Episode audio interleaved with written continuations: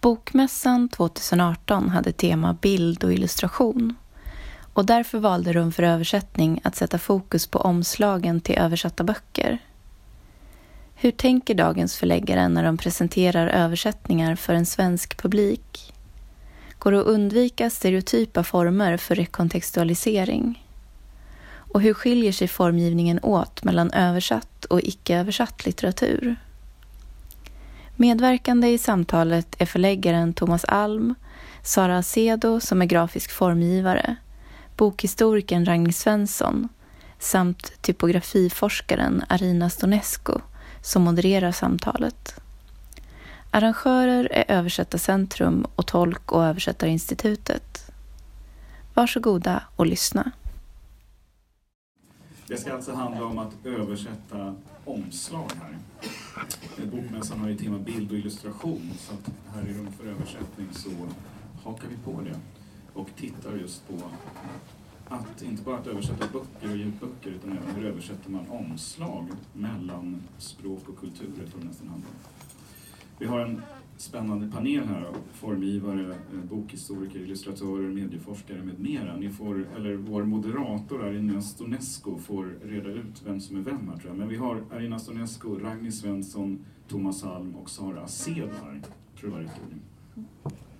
Jag springer bort till den där datorn och försöker få en bättre bild än just det här. Och så får ni börja prata helt enkelt. Ja, fint. Välkomna. Tack så mycket.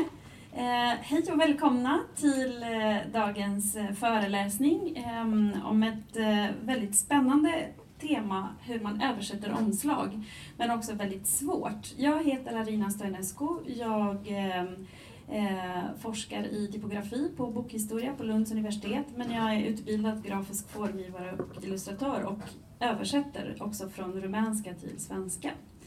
Och eh, bredvid så har jag Ragnhild Svensson som eh, är min eh, före detta kollega, mm. doktorandkollega på bokhistoria på Lunds universitet. Mm. Eh, och eh, hon har nyligen disputerat med en avhandling om Kaverfors, Kaverfors förlag som hon kommer att prata lite mer om. Mm. Eh, och sen så har vi Thomas Alm som är eh, också grafisk formgivare har jag förstått i botten, men förläggare på förlaget Ramos det har ju gjort en del eh, grafiska formgivningsjobb och en av dem har jag faktiskt med mig som bevis. Okay. eh, och eh, Sara Sedo som är eh, prisbelönt grafisk formgivare eh, och som har jobbat med väldigt, väldigt många eh, olika bokomslag. Så tanken är att vi ska prata om eh, det här med att översätta bokomslag. Alltså att översätta språk är en sak, men att översätta det visuella språket eh, kräver kanske någonting annat. Eh, och jag tänkte att eh, eh, vi ska börja med Ragni som har tittat närmare på en serie som Cavefors förlag har gett ut som är väldigt spännande att prata vidare om. Um, och sen så kommer jag ge ordet till de andra. Sara kommer att prata ur sin egen praktikererfarenhet och eh, Thomas kommer att prata utifrån förläggarerfarenheten men kanske får andra frågor om, om grafisk form. Ja? Mm. Då lämnar jag ordet till Ragni. Eh, och eh, det som jag tänkte som jag var nyfiken på eh, var hur liksom, eh, kom till den här Afrikaserien och varför blev den intressant ur ett visuellt perspektiv? Mm, jag ska försöka hålla mig kort. eh, en bakgrund bara. Cavefors förlag eh, grundades 1959 och var verksamt till 1981 och hade en väldigt, det var ett litet förlag men hade en väldigt mångskiftande utgivning. Men, så att jag har skrivit om förlagets historia men jag har skrivit ett kapitel om dess utgivning av just afrikansk skönlitteratur och böcker som relaterar till Afrika på olika sätt. Och det var nämligen så här att i början av 60-talet eh, vid liksom, den stora avkoloniseringen av Afrika när det satte igång så påverkade det eh, eller bokmarknaden internationellt, eller åtminstone i Västeuropa och Afrika särskilt. Då, för, eh, det blev eh, det som en följd av avkoloniseringen liksom, blev att eh, man från västeuropeiskt håll fick ett väldigt stort intresse för eh, skönlitteratur från Afrika. Och det här gäller ju framförallt i de före detta kolonialländerna då, eh, Frankrike och Storbritannien framförallt. Men det, det, liksom, det blev som en trend, en jättestark bokmarknadstrend. Och i Sverige så har vi ju en annan historia och liksom också en annan geografisk situation lite så här utanför de här stora liksom, rörelserna kanske på den internationella bokmarknaden. Men eh, det fanns några svenska bokförlag, framförallt Cavefors som var ju ett väldigt litet förlag men han eh, grep sig an liksom, just det här temat och gjorde det lite grann till sitt på en i en svensk kontext. Eh, nu handlar det inte om så jättemånga titlar, det är 14 stycken skönlitterära titlar under hela den här 20 års, dryga 20-årsperioden. Men eh, utifrån liksom hur det såg ut samlat med utgivningen av skönlitteratur från olika afrikanska länder, afrikanska författare, så blev det, det blev en väldigt viktig Hans utgivning eh, spelar en väldigt stor roll i den här kontexten. Både liksom, när det gäller antal, för att det var så pass få hela tiden. Eh, och när det gäller liksom vilka författarskap det var, för att det var väldigt stora och välkända författarskap som eh, Ngugi och eh, eh ja, nu kommer jag av mig. Men eh, som kända. Ja. jag kommer visa sen. Jag fick lite hjärnsläpp. Eh, men eh, jo, så och den, och den serien kom till Sverige. Men det var ju liksom någonting intressant i hur förlaget jobbade med just omslagen och Precis. i förhållande till man, ja. vad man kanske hade förväntat sig. Precis. Det, alltså, de, de första titlarna, det är så här, Cavefors, Bo Cavefors formgav sina böcker själv i första hand. Eh, men just den här, liksom just den afrikanska skönlitteraturen ville man göra, liksom, man ville lyfta det och göra någonting som stack ut och som var lite annorlunda än hans övriga utgivning. Så det blev en serie som hette Afrika berättarserien. Eller efterhand, det började med en, en antologi redan 1961 som var ett väldigt tidigt exempel på den här, som jag pratade om, den här trenden eller vad man ska säga. Så det låter lite konstigt att kalla det för en trend men eh, det var liksom väldigt, väldigt stort intresse liksom från väldigt många håll för just eh, skönlitteratur från afrikanska länder. Och, eh, det var en antologi som hette Afrika berättar som redigerades av Per Westberg. Men sen så fortsatte han att ge ut liksom flera av de författarskapen i romaner och så. Och sen så fram mot 1900, 1975 så Ska vi byta bild? Eh, nej, nu, nu ska jag berätta om den här bilden. Ja, eh, 1975 så, så bestämde han sig för att göra en samlad serie som kallades då Afrika berättar efter den här antologin. Och det är därifrån, det var de omslagen jag ville liksom trycka på särskilt, för de här tidiga omslagen är inte lika, liksom, lika tydliga. Men eh, han anlitade då en skånsk konstnär som heter C.O. Hultén som eh, var väldigt känd för att ha rest i, i Nigeria framförallt och liksom inspirerats av nigerianska konstnärer. Och eh, gjorde ett måleri då efter det. Så de kände varandra privat och eh, C.O. Hultén gjorde, liksom, målade omslag av sju stycken av Cavefors Afrika berättar-böcker. Och eh, jag, tänk, jag tänker att de liksom är spännande därför att de skiljer sig ganska mycket från det, var, det finns en diskussion idag om, eh, om det här med att översätta omslag, särskilt just eh, nu pratar jag om en liksom, afrikansk skönlitteratur eh, det har liksom kritiserats på senare år liksom att det, det finns en väldigt stark eh, kliché, eller det finns många klichébilder som man ofta använder. Det är det här liksom solnedgången på savannen och några, ja, ofta solnedgångar på savannen. eh, Medan det här är någonting helt annat tänker jag. Så det, jag ska inte säga att det liksom inte alls spelar på några klichéer för att det kanske det gör. Just den här bilden är ju väldigt surrealistisk och lite svår att förstå kanske vad den handlar om. Vi kan, eh, om vi bläddrar så kan vi se. Ja, det här är en av, av de första innan, innan CO Hultén som Bo har gjort själv. Eh, och nästa bild också. Eh, där grundläggs ett tema som jag vill prata om. Att, eh, om vi säger så här då, att den här klichébilden som finns idag av, av liksom det exotiska och naturen och så så kan det, det fanns en annan klichébild kanske på 60-talet. Så det handlade liksom, hela intresset för den här litteraturen kom ju ifrån lite grann politiskt håll. Det handlade om liksom, ett intresse för av, liksom, avkoloniseringsprocessen och, och frihetskampen i till exempel Sydafrika. Eh, och, eh, så att eh, de tidiga böckerna, både hos Cavefors och andra förlag, de, de, eh, det var mycket liksom revolutionära eller böcker som behandlade frihetskamp. Och det visades också visuellt på, ja, men som den här. Det är mycket våld och, och eh, så på många. Så det var det jag ville visa med den här, att liksom, det fanns klichébilder men kanske lite annorlunda än vad vi väntar oss idag. Skulle du kunna säga, jag tänkte fråga, eh, att man kunde se någonting eh, militant i det visuella i, i liksom, eh, överlag i de omslag som, som gjordes på den tiden? Eftersom du nämnde det här politiska. Ja, i Cavefors utgivning är det tydligt. Det finns ännu tydligare exempel som jag inte har tagit med, här, med liksom knutna nävar och demonstration och sådär. Eh, men eh, sen så, och det här var ju då de tidiga, men sen 1975 när den här C.O. Hultén gjorde sina omslag så tycker jag att det blir spännande för att det blandas, liksom, det är två linjer.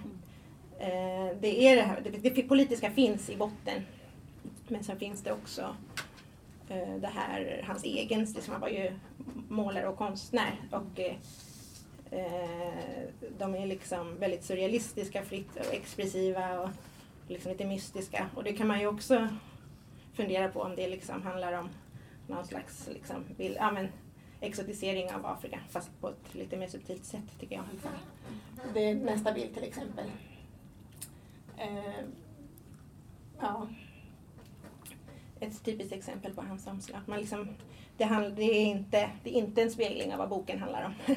Det är bara en fri känsla av, av någonting nigerianskt, afrikanskt. Och det, det var också så man tänkte liksom, när jag pratat med dem och frågat hur, hur liksom, tankegången var. Så, så handlade det inte så mycket om att man skulle illustrera bokens innehåll utan man skulle illustrera något, det afrikanska och göra en samlad serie. Det var liksom, poängen var att det skulle synas att de här böckerna var, stack ut i jämförelse med den övriga utgivningen. Så att de, det är också Cavefors enda visuellt sammanhållna serie. Och nästa bild. Eh, där är ett, det tydligaste exempel på hur de här två olika linjerna som jag pratade om ändå eh, samsas i samma bild. För att det här det är en väldigt våldsam bild. Eh, och den handlar faktiskt om, eller om det som boken handlar om. Så att det är en fängelseskildring och det är en man som misshandlas av en eh, fängelsevakt. Eh, men samtidigt finns det här liksom lianer som hänger och ja, jag skulle vilja säga att de här två liksom linjerna blandas där. Eh, jag tänkte eh, fråga eh, också, du är också illustratör, eh, Ja. glömde jag nämna i presentationen. Och jag tänkte höra med dig om du har haft några reflektioner utifrån den erfarenheten när du har tittat på den här serien omslag eller även när du har tittat på andra omslag som Cavefors har gjort eftersom han har översatt ganska mycket. Ja, Mm. utifrån ett illustratörsperspektiv. Ja. det finns ganska mycket att säga. Alltså, den här serien skiljer sig så mycket från hans andra omslag. Man kan säga att hans generella liksom, visuella linje är ganska spretig, tycker jag. Mm. Och eh, det är en glad amatör, nämligen förläggaren liksom, själv som har eh, klippt och klistrat ganska mycket och det skapar en väldigt tydlig linje fast en väldigt ganska speciell linje. Sen kommer de här som är liksom helt annorlunda än övriga. Där en eh, konstnär som hade liksom ett specialområde har målat alla. Eh, och man gör liksom, jag tycker om det su- su- surrealistiska, eller så jag har alltid varit väldigt svag för det så att jag liksom gillar de här väldigt mycket. Fanns det någon brief, eh, någon beskrivning eh, från Cavefors till eh, konstnären? Eller? Det finns inte bevarat någon sån men jag frågade honom vad han tänkte och då var det just, jag vill ha bilder som, ja, det som, sa, som, som visar på något afrikanskt. Liksom. Så att det, är, det finns det här essentialistiska liksom, i botten hela tiden. Det ska vara en sammanhållen serie. Och så man, komma ihåg att det liksom det fanns andra sådana serier i Storbritannien framförallt som också liksom betonade det här liksom lite mer mystiska och, och, eh, exot, och exotiserande i sina bokomslag. Bland annat, eller eh, Faber and Faber är ett exempel som Cavefors gillade så jag tror att han liksom bad Hultén att kanske titta på dem och försöka likna dem också.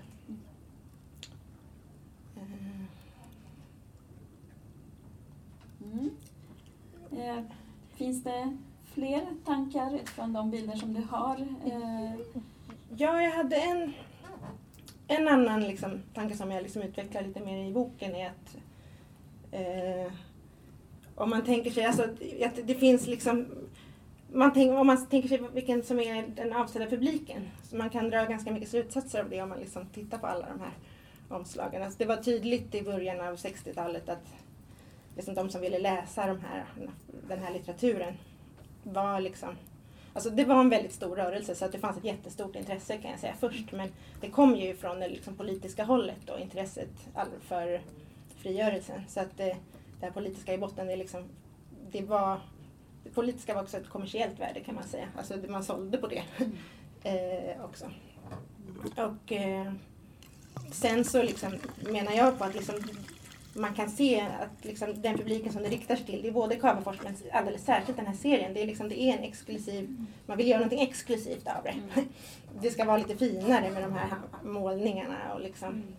smalare. Hela Cavefors utgivning hade eh, väldigt starka konnotationer av att vara smal litteratur riktat för ett fåtal. Men den här serien är liksom, det är nästan kronan på verket tycker jag. För att det eh, ja, de, de liksom är paketerade för en exklusiv skara personer. Och den skara personer är också liksom underförstått politiskt intresserad.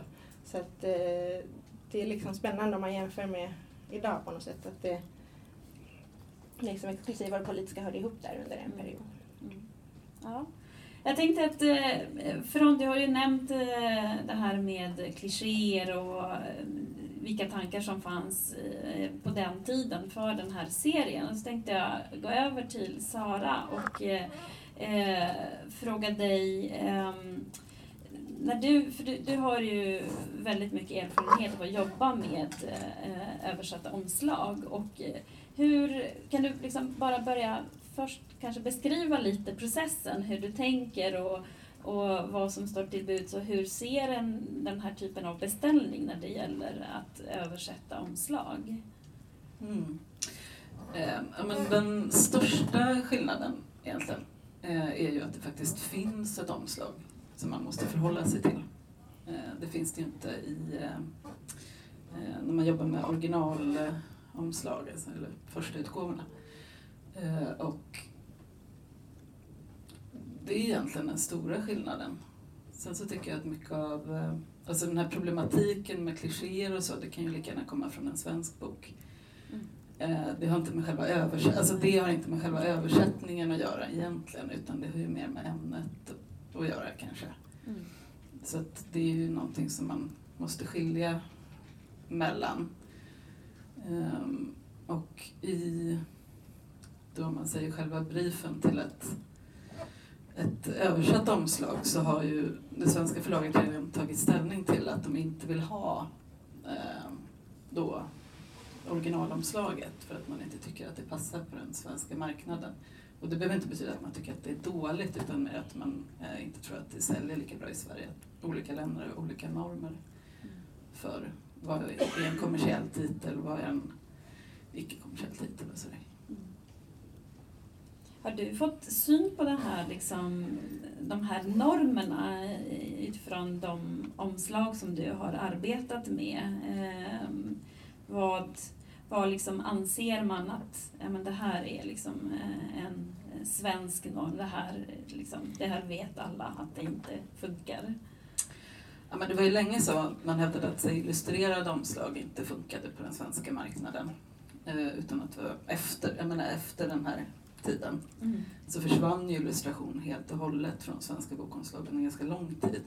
Så det var ju om man tänker en, en engelsk chicklit, alltså riktigt så kommersiell chicklit-bok eh, har ju länge varit illustrerade men i Sverige så har man istället haft fotografiska omslag liksom, på den typen av litteratur och illustration har varit liksom mer smalare. Nu tycker inte jag att det stämmer riktigt längre utan det kan dyka upp olika liksom, sorters omslag i olika genrer även i Sverige. Mm.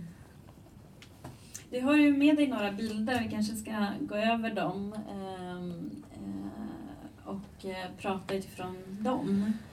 Ja, precis. Det här var väl det som du också hade. Mm. Ehm, Det, är egentligen, det finns ett väldigt känt TED-talk av eh, Chimamanda Ngozi Adichie som heter The Danger of a Single Story eh, som handlar om problemet med att bara visa upp en bild och de eh, fördomar som det följer. Det är väldigt roligt för att hon eh, exemplifierar med sig själv hur hon som bor i USA och åker över till Mexiko och blir chockad över att det finns en mexikansk medelklass. För, för henne är liksom latinamerikaner folk som servar helt enkelt. Så att bara för att man själv jobbar med den här typen av frågor och tänker mycket på det så är man liksom inte på något sätt immun. Utan alla åker dit hela tiden. Det tror jag är jätteviktigt att tänka på. Eh, men utifrån det så hade, hittade jag också en, en artikel som handlade om, den här är ganska gammal och det ser man ju på de exemplen som är, men det, som är liksom The Dangers of a Single Book Cover. Som handlar om akaciaträdet som dyker upp oavsett om det överhuvudtaget liksom växer akaciaträd i, i just det landet. Eh, men vi kan gå vidare från den för jag tänker att den är kanske inte så aktuell egentligen. Aha, kommit till den här. Jo, jag hittade också tidigare tillfällen en eh, intressant artikel. Det här är en jämförelse, de som ligger bredvid varandra i samma titel på den turkiska utgåvan och den anglosaxiska utgåvan. Så att oavsett hur omslaget i Turkiet har sett ut så har det i översättning alltid hamnat en moské på omslaget. Eller en portal eller ett, liksom, ett ornament. Eh, jag tycker att en del av fallen, den här som heter Honor på engelska och då, nu kan inte jag uttala det, Iskender. Det känns att det är överhuvudtaget är samma, det är liksom samma bok. Det är det liksom, ja, det känns inte som att de riktar sig till samma målgrupp, skulle jag säga. Eh, men eh, du kan hoppa vidare. Ja, just det. Adichie. För att jag har liksom gjort hennes omslag i Sverige från och med en halvgul sol i pocket. Och eh, jag vet att hon själv är väldigt förtjust i de här omslagen. Jag tycker själv kanske inte att det är det mest spännande jag har gjort ur ett formgivningsperspektiv. Men det som jag är nöjd med och som hon uppskattar väldigt mycket är att hon liksom arbetat med fotografier som inte är den schabloniserande Afrikabilden utan ja, men det är en person som sitter på ett café och liksom skriver på en mack. Och, ja, det är en medelklasskvinna eh, i Nigeria. Eller jag undrar var den bilden kommer ifrån. Den är kanske inte från rätt plats men den är, eh, jag minns inte det riktigt den första. Ehm, och eh, ja, men det känns roligt att få använda det här ytan som man ändå har som formgivare eller illustratör när man eh, ändå hela tiden producerar och reproducerar stereotyper Mm. använder det på ett medvetet sätt. Ja, för, för det är ju till syvende och sist det är väldigt mycket det handlar om. Och eh, eh, När ska man göra det? Hur ska man göra det? Eh, hur ska man göra det på ett kreativt sätt? Eh, men jag tycker att det som är intressant i det här sammanhanget och i den här serien är ju det typografiska. Eh, kan du berätta lite om hur du har tänkt kring det? För det eh, från mitt perspektiv så är det väldigt mycket det typografiska som håller ihop också. Eh, och eh, ja, hur har du tänkt när du har valt den här typen av typografi och återanvänt det i hela eh, hennes utgivning? Ja, alltså det här är ett sånt typexempel på någonting som har blivit en serielösning och som faktiskt inte var gjort som en serielösning från början. Utan eh, jag gjorde en pocket, förlaget tyckte om den, den sålde bra och liksom, man fortsatte. Eh, Så tyvärr så finns det inte den typen av Okej. övergripande tanke med typografin. Utan eh, men, men det är ändå den som, som eh, jag tycker personligen att den håller ihop. Eh, är det liksom så förlaget har sett det att eh, ja, men nu har vi ett, någonting som, som gör att man känner igen eh, den här författaren, den här kombinationen, den typografin med de bilderna? Ja, ja, precis. Jag tror att översatt litteratur är ju alltid svår i Sverige eh, att sälja. Liksom, att det finns alltid en oro, det är höga kostnader med liksom, eh, översättare och så vidare.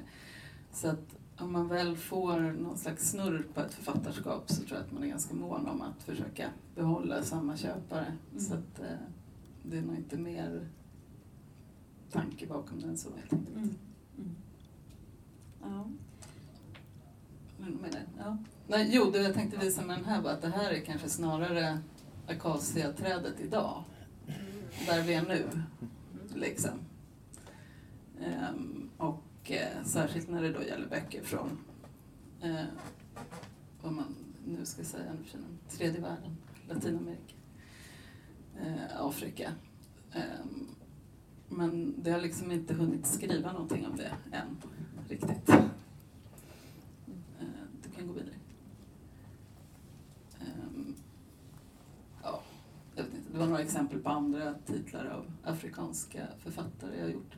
Eh, efter att jag gjorde den här Adichie så kändes det som att kom det ut en framförallt nigeriansk författare i diasporan i Sverige så ringde de till mig. Vilket också säger någonting om hur förlagsbranschen funkar. Att, då tänker man, ja hon gjorde den där, ja men då ringer vi henne för den här också. Så att jag har gjort många nigerianska författare, det här är inte alla. Um, ja, vi kan gå vidare um, ja. Adina bad mig att ta med referenser. Ja, precis. För det är intressant att, höra hur, vad är research, hur ser det ut? Och jag vet också att du har kopplingar till en annan kultur eh, själv. Ja, att, ja, precis. Det kommer ett roligt exempel. Precis. Ja, ja, vi tar det. En sak i taget. Uh, jo, nej men den här uh, Vända hem var ett omslag som jag gjorde väldigt snabbt. Det var, den kom in på listan väldigt snabbt så det var ganska kort produktionstid. Och eh, briefen var nog, gör något starkt grafiskt och färgglatt. Eh, och så hittade jag det här tyget som, eller fotografiet av tyger som också refereras till mycket i texten för att det eh, jag läser alltid böckerna helt enkelt. Plockar saker därifrån. Men eh, eh, och sen så är det med två exempel på internationella omslag på samma tid. Um, ett amerikanskt och ett engelskt. Jag vet dock inte vilket som är vilket. Det översta är det brittiska. Okej. Okay. Um, ehm, ja, jag vet inte om det är så mycket mer att säga om det. Du kan gå vidare. Uh, här är ett gammalt försök jag gjorde för att använda samma sak på en svensk titel. Men en eh, vante från eh, Dalarna, tror jag.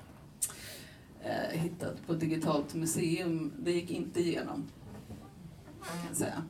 Eh. Fick, fick du någon förklaring varför det inte gick igenom? Nej, det ansågs inte riktigt tillräckligt kommersiellt helt enkelt.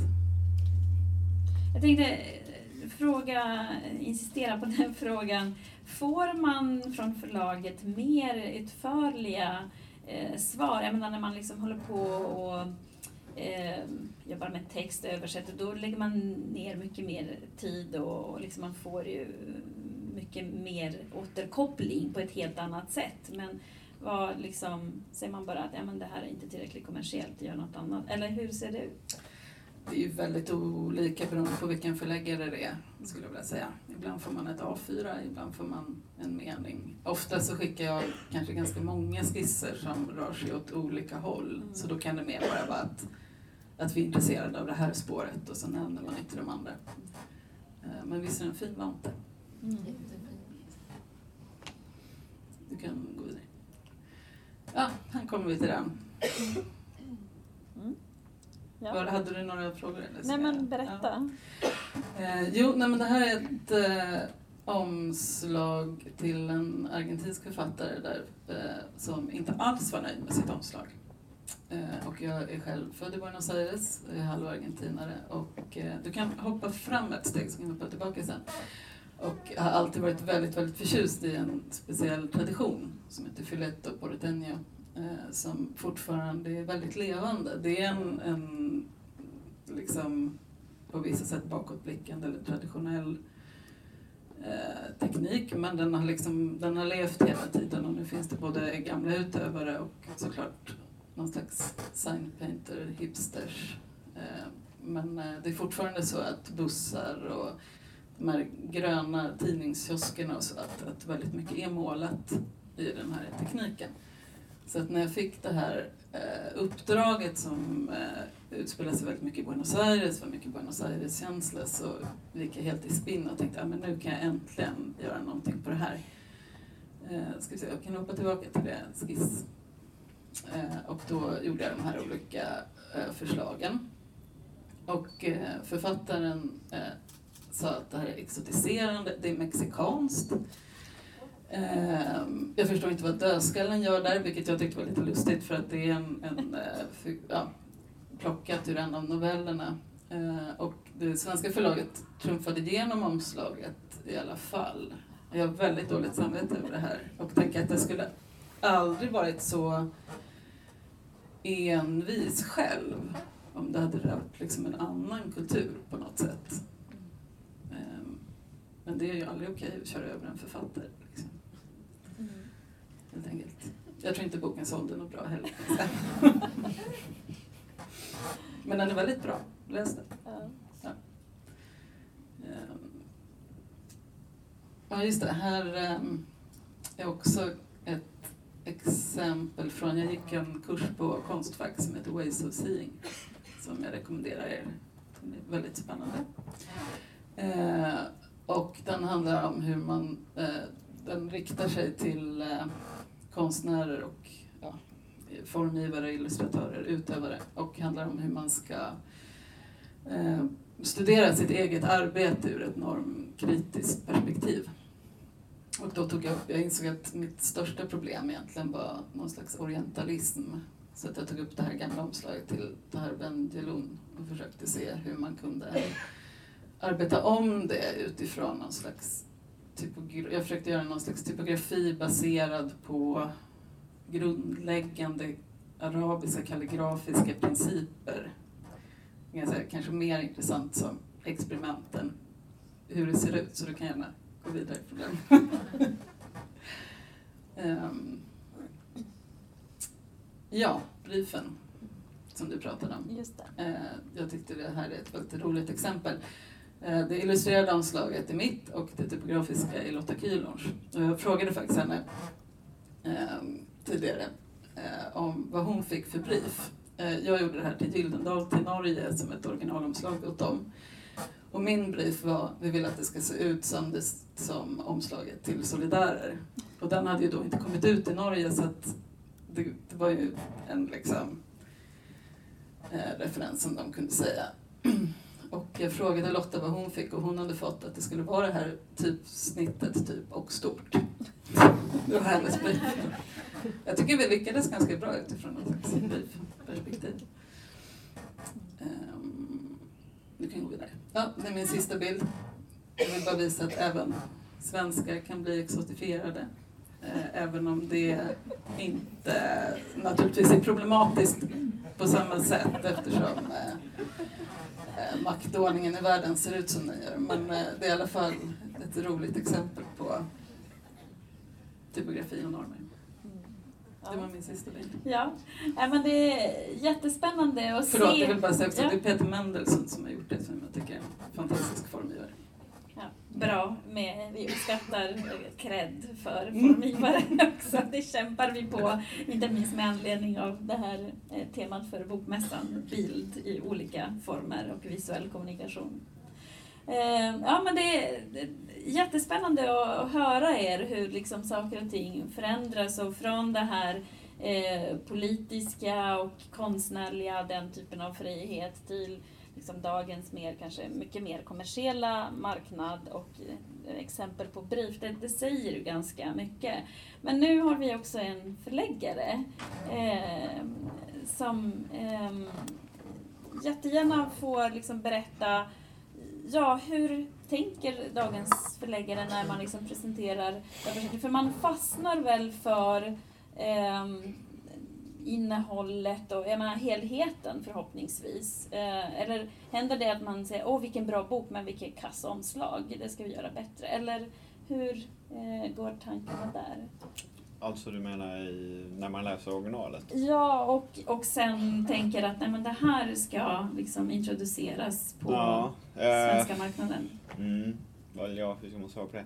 Alltså i all enkelhet så kan man säga att jag är nog inte så representativ för mycket av det här. För att jag kommer ju från ett, alltså ett litet förlag, vi har en väldigt tydlig nisch vad vi gör och så här, Så att jag kan inte riktigt eh, liksom svara för de här svepande resonemangen som man ändå kan dra. Men alltså vadå, jag tänkte det Sara sitter och pratar om, som hela tiden Ja, men det, det, det, I mitt huvud, lite det börjar när du pratar om Afrikaserien och det som också... Alltså det, vi, det allting kretsar kring är det här som Per Bourdieu kallar för halvstämpling. Det är ju exakt det det, det handlar om hela tiden. Att liksom, du får gärna förklara. Vad... Ja, men Bourdieu menar då att det är ett sätt att liksom paketera en produkt så att den kan säljas till liksom olika väldigt tydliga grejer som de då paketerar. Och den, det gör man. Jag, liksom, jag, jag tänkte inte så mycket på det när du pratade om eh, det, för du hade så många andra ingångar.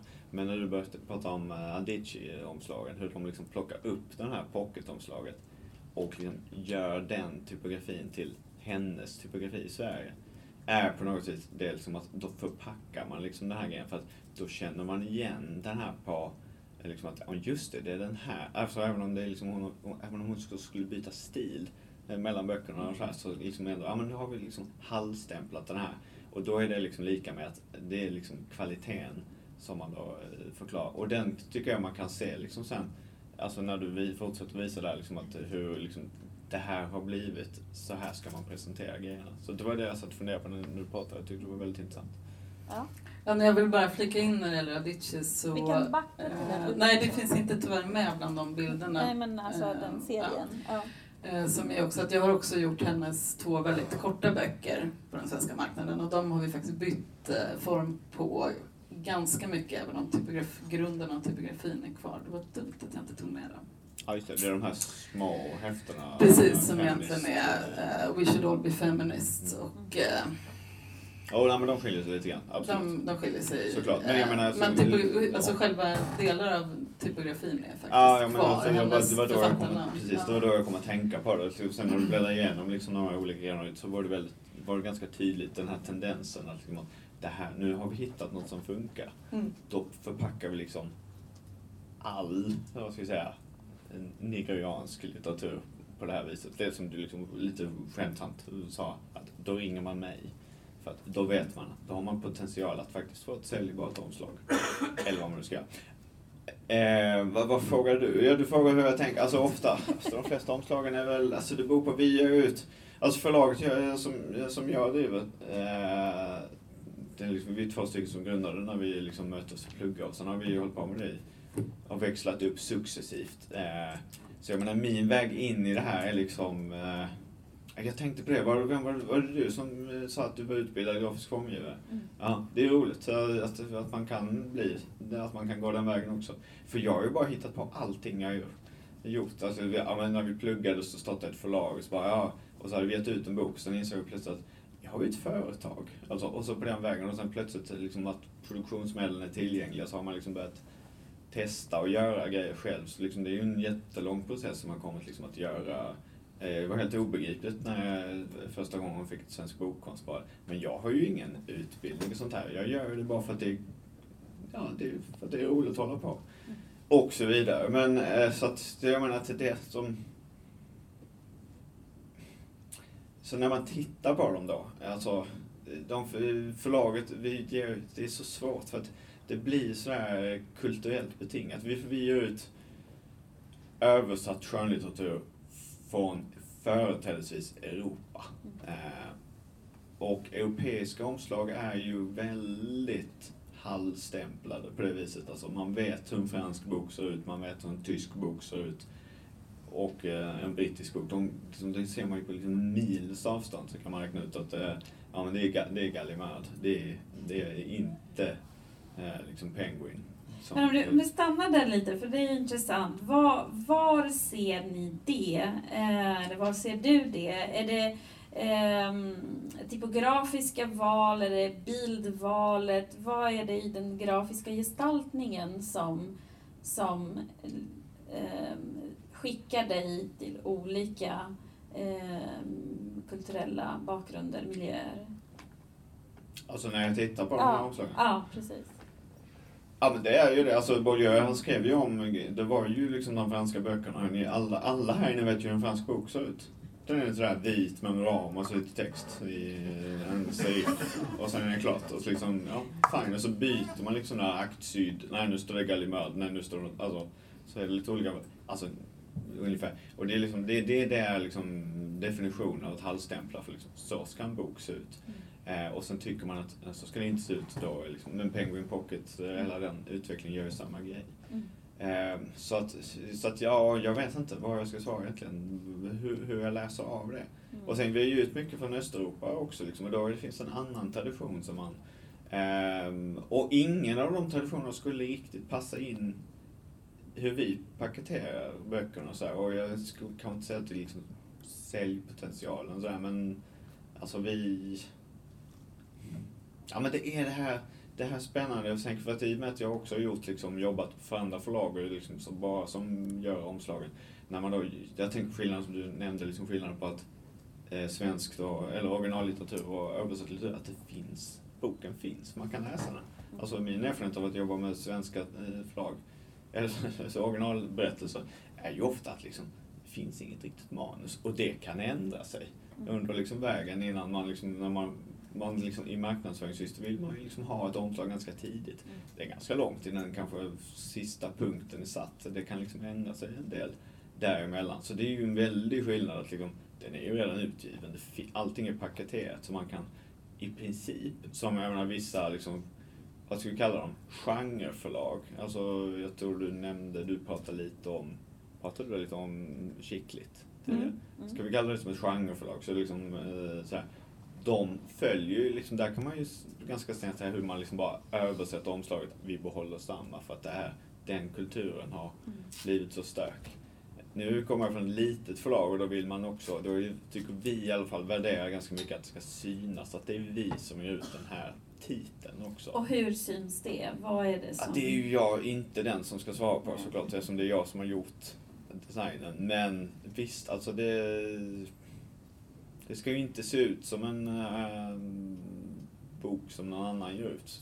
Alltså. eh, och det ska inte se ut som det, äh, det är ju helt omöjligt att säga. Men alltså det finns de princip, den designprincipen man har. Jag är väldigt eh, liksom jag, jag tycker det taktila är viktigt i liksom en, en bok. Liksom. Jag vill ha olika delar med. Liksom, och sen, ja, alltså, sådär, alltså, de, men så samtidigt ska de ju kunna sälja liksom, i frimärksstorleken på Bokus och sådär. Men, ehm, Ja, men det är ja. intressant att du tar upp det taktila, för då, jag tog med mig faktiskt eh, det här, eh, Trado. Det är eh, en bok som eh, ett samarbete mellan eh, Svetlana Kristan, som är en rumänsk poet, och Athena Farrokhzad, som är en svensk poet.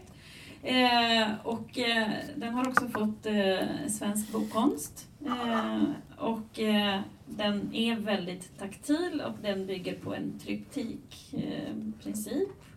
Eh, ehm, och eh, ehm, jag, jag blev väldigt glad när jag såg den. både därför att jag har rumänsk bakgrund, jag är född och uppvuxen i Rumänien eh, och känner till Svetlana Kristen och uppskattar henne. Men också för att eh, det har funnits utrymme för det här taktila. Eh, hur liksom kom det till? Alltså, jag blev lite förvånad för det är en ganska liksom, dyr produktion. Det är kanske inte det billigaste. Eh, hur, kan du berätta lite om den? Alltså den formen är sprungen ur eh, ur projektet för det är så himla speciellt projektet. Alltså att eh, för Alltså dels är det liksom ut förlagsperspektiv, det är ju lite speciellt att ett eh, superlitet förlag eh, ja, alltså, jag menar liksom mm. ja men vi är skitsmå ju såklart. Vi liksom eh, ger ut tio titlar på och Bonniers är jättestora och ger ut tio titlar i veckan kanske. Sådär. Men jag menar, så att därför, men då var det så att, så att den här rumänska författaren Svetlana hade ju vi gett ut tidigare. Och då hade Athena översatt hennes bok till, eh, åt oss när vi gav ut. Och så, att det var liksom, eh, jag ska göra den, den historien så kort som möjligt. Upplägget var att det började här eh, när precis på den gamla goda tiden som man nu kan väl börja prata om, när den låg i R2an. Eh, då, där borta. Det är väl ändå alltså fjärde programpunkten i det här nya rummet. Så att, ja, jag minns när det var där borta. Det var kul vi hade.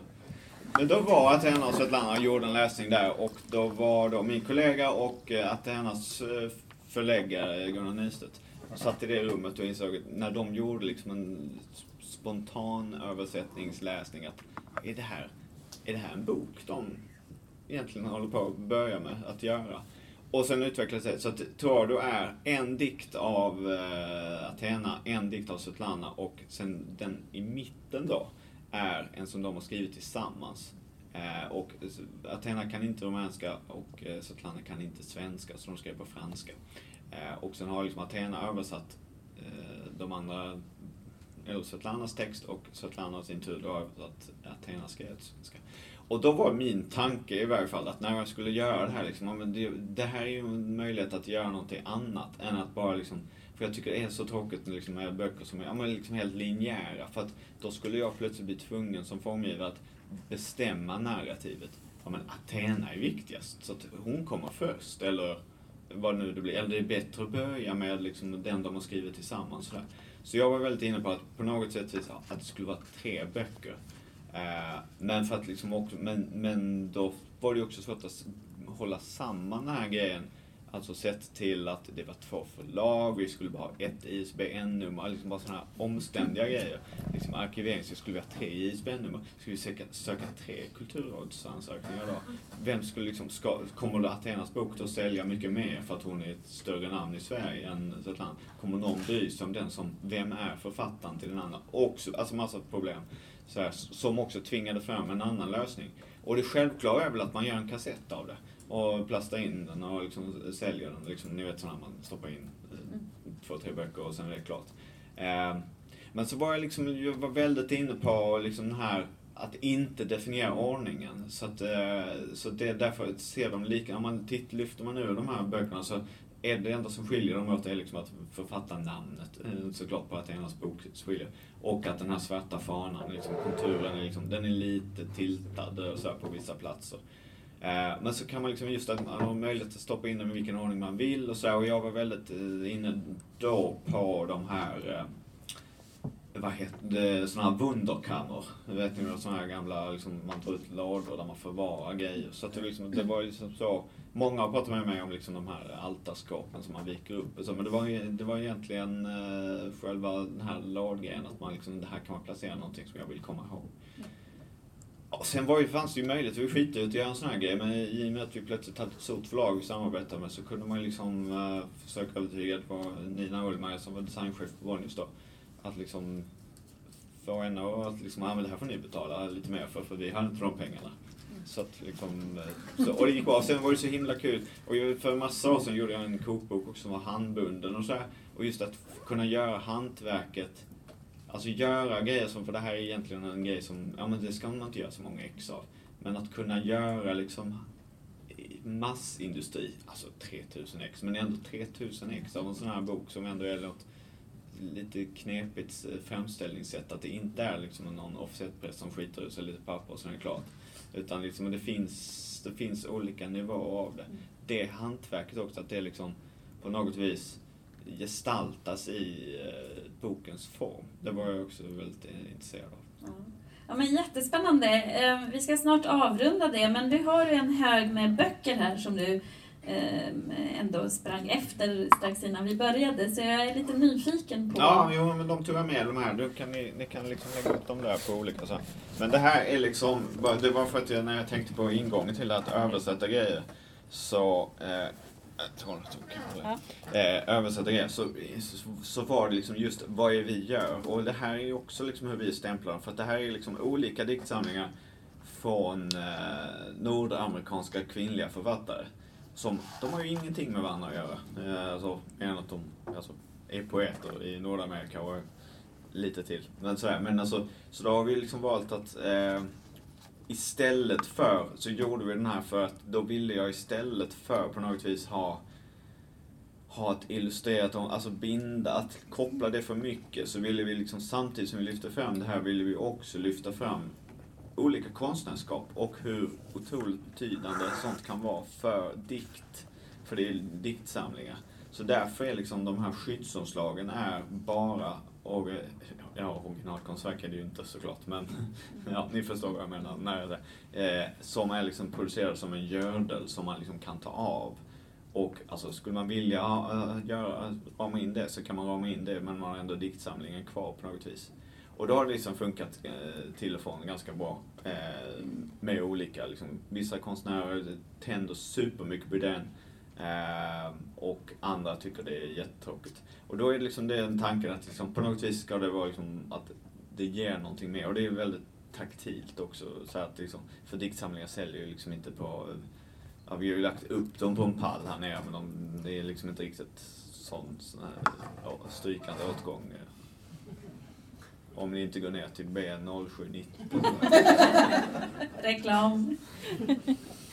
Eh, ja men eh, ehm, vi ska som sagt avrunda nu. Det var jättespännande att, höra era ingångar och ehm, det som jag tänker nu, som jag också tar med mig från det här samtalet, det är just ehm, hur vilken liksom spännande värld det finns i att liksom översätta också det visuella och att det finns ju eh, både liksom bildmässigt, att man kan skapa nya bildvärldar, men man måste också känna till och ha eh, respekt för liksom, hur, man, hur saker och ting uppfattas. Och inte minst materialiteten. Jag tog med mig bara det här som exempel som jag ska nämna. Det här är den rumänska eh, upplagan av eh, Trado. Och eh, där finns ju inte Bonniers muskler och de ekonomiska resurserna, men de har ändå liksom eh, utgått ifrån eh, din form och eh, anpassa det. Och det är också intressant vad, vad liksom materialiteten eh, gör med eh, boken och hur det uppfattas eh, i sammanhanget. Och sen tog jag också med mig ehm, det här är ett Cavefors, eh, eh Cavefors bok, ehm, eh, väldigt känd sådan, som eh, eh, Ragni hade som eh, brief eller önskemål när det gäller hennes eh, eh avhandlingsomslag som mm. jag fick nöjet och glädjen att göra. Så det var också väldigt spännande, men det var mycket svårare att göra det än, än vad jag tänkte. Mm. Menar, det ser ju enkelt ut, men det är inte så enkelt för det dyker ju upp massa olika problem som ni också har belyst i det ni har pratat om. Så jag får tacka så hemskt mycket för det här samtalet. Tack, Tack ska ni ha. Tack.